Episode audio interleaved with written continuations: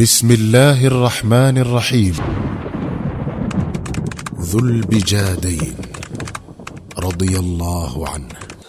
على يمين الراكب من المدينة المنورة إلى مكة المكرمة جبل أخضر السفوح نظير الذرى وارف الظلال يدعى جبل ورقان.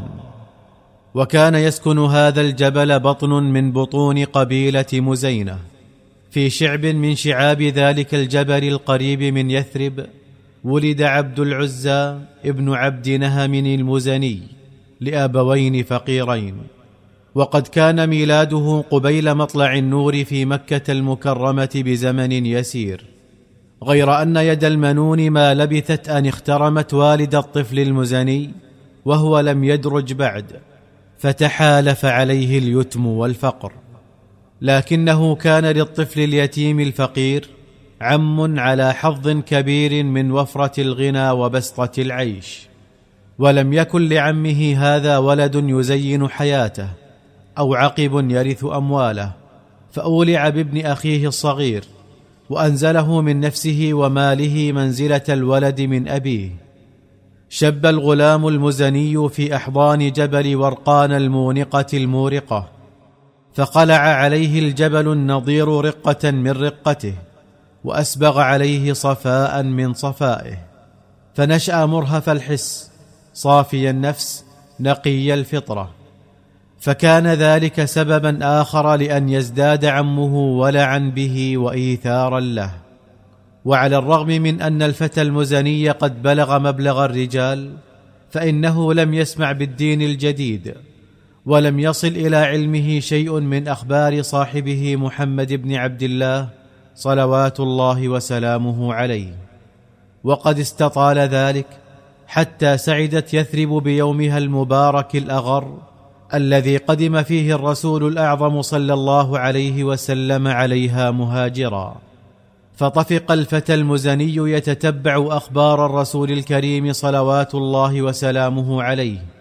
ويتسقط أحواله حتى إنه كثيرا ما كان يمكث سحابة نهاره على جانب الطريق المفضية إلى المدينة ليسأل الذاهبين إليها والغادين منها سؤال الملهوف عن الدين الجديد وأنصاره والنبي الكريم صلى الله عليه وسلم وأخباره إلى أن شرح الله صدره الطاهر للإسلام وفتح قلبه الغض لأنوار الإيمان.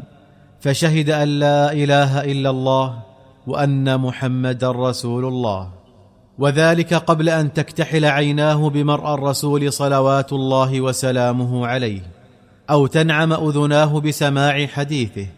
فكان أول امرئ يسلم من بني قومه في جبل ورقان. كتم الفتى المزني إسلامه عن قومه عامة وعن عمه خاصة.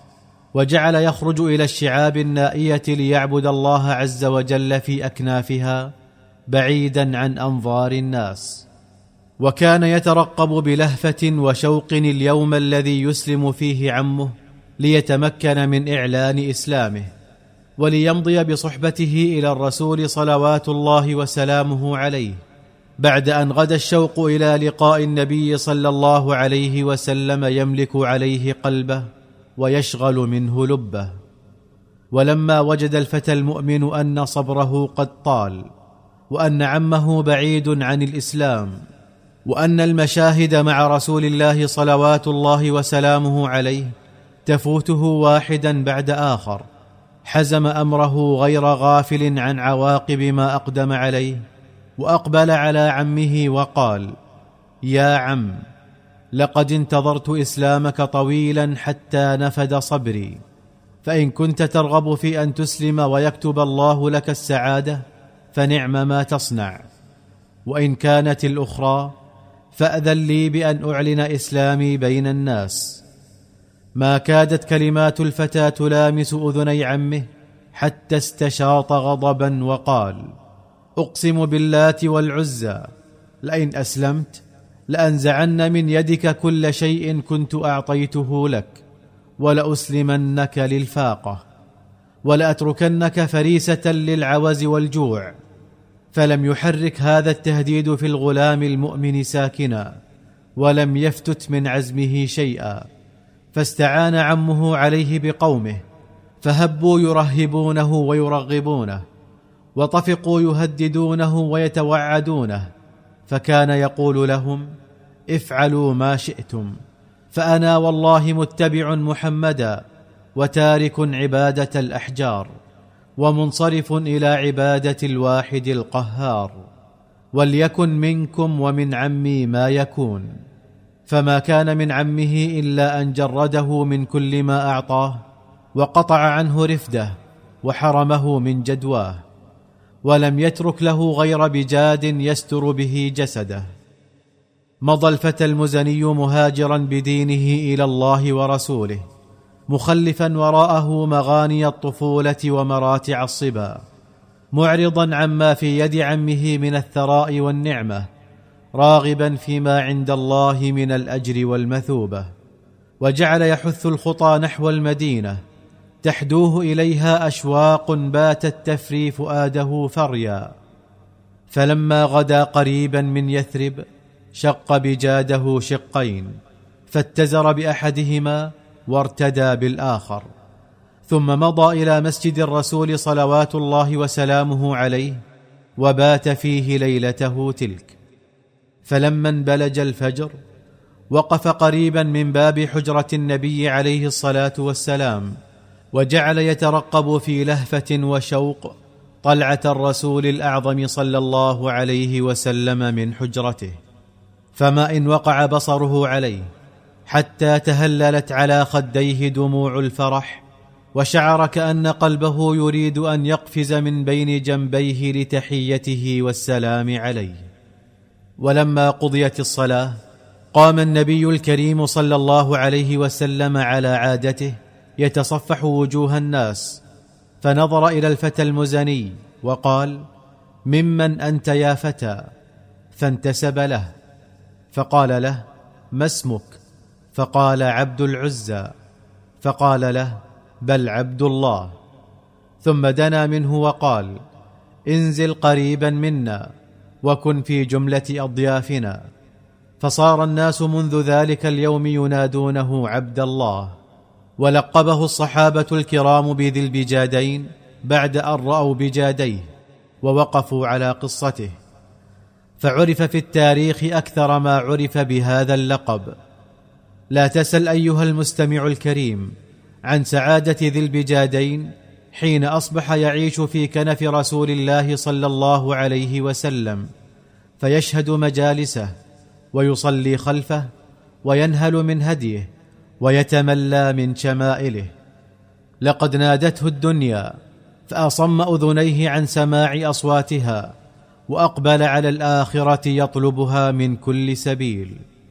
لقد طلبها بالدعاء الذي كان يجأر به في خشية وخشوع حتى سماه الصحابة الأواه. وطلبها بالقرآن فكان لا يفتأ يعطر بشذا آياته البينات أرجاء مسجد رسول الله صلى الله عليه وسلم. وطلبها بالجهاد فكانت لا تفوته غزوة غزاها رسول الله صلى الله عليه وسلم. وفي غزوة تبوك سأل ذو البجادين الرسول صلوات الله وسلامه عليه أن يدعو له بالشهادة فدعا له بأن يعصم دمه من سيوف الكفار.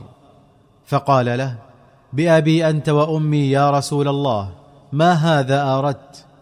فقال له عليه الصلاة والسلام إذا خرجت غازيا في سبيل الله فمرضت فمت فأنت شهيد. وإذا جمحت بك دابتك فسقطت فقتلت فأنت شهيد. لم يمض على هذا الحديث غير يوم وليلة حتى حم الفتى المزني ومات. لقد مات مهاجرا إلى الله مجاهدا في سبيل الله بعيدا عن الأهل والعشير. غريبا عن الوطن والدار فعوضه الله عن ذلك كله خير العوض. فلقد خط له الصحابة الكرام قبره بسواعدهم الطاهرة ونزل في قبره الرسول الكريم صلى الله عليه وسلم بنفسه وسواه له بيديه الشريفتين. ولقد دلاه إلى القبر الشيخان أبو بكر وعمر حيث قال لهما الرسول صلوات الله وسلامه عليه قربا إلي أخاكما فأنزلاه إليه فتناوله منهما وأسكنه في لحده. وكان عبد الله بن مسعود واقفا يشهد ذلك كله فقال ليتني كنت صاحب هذه الحفرة والله وددت لو كنت مكانه وقد أسلمت قبله بخمس عشرة سنة. لقد نادت الدنيا ذا البجادين فأصم أذنيه عن سماع صوتها وأقبل على الآخرة يطلبها من كل سبيل.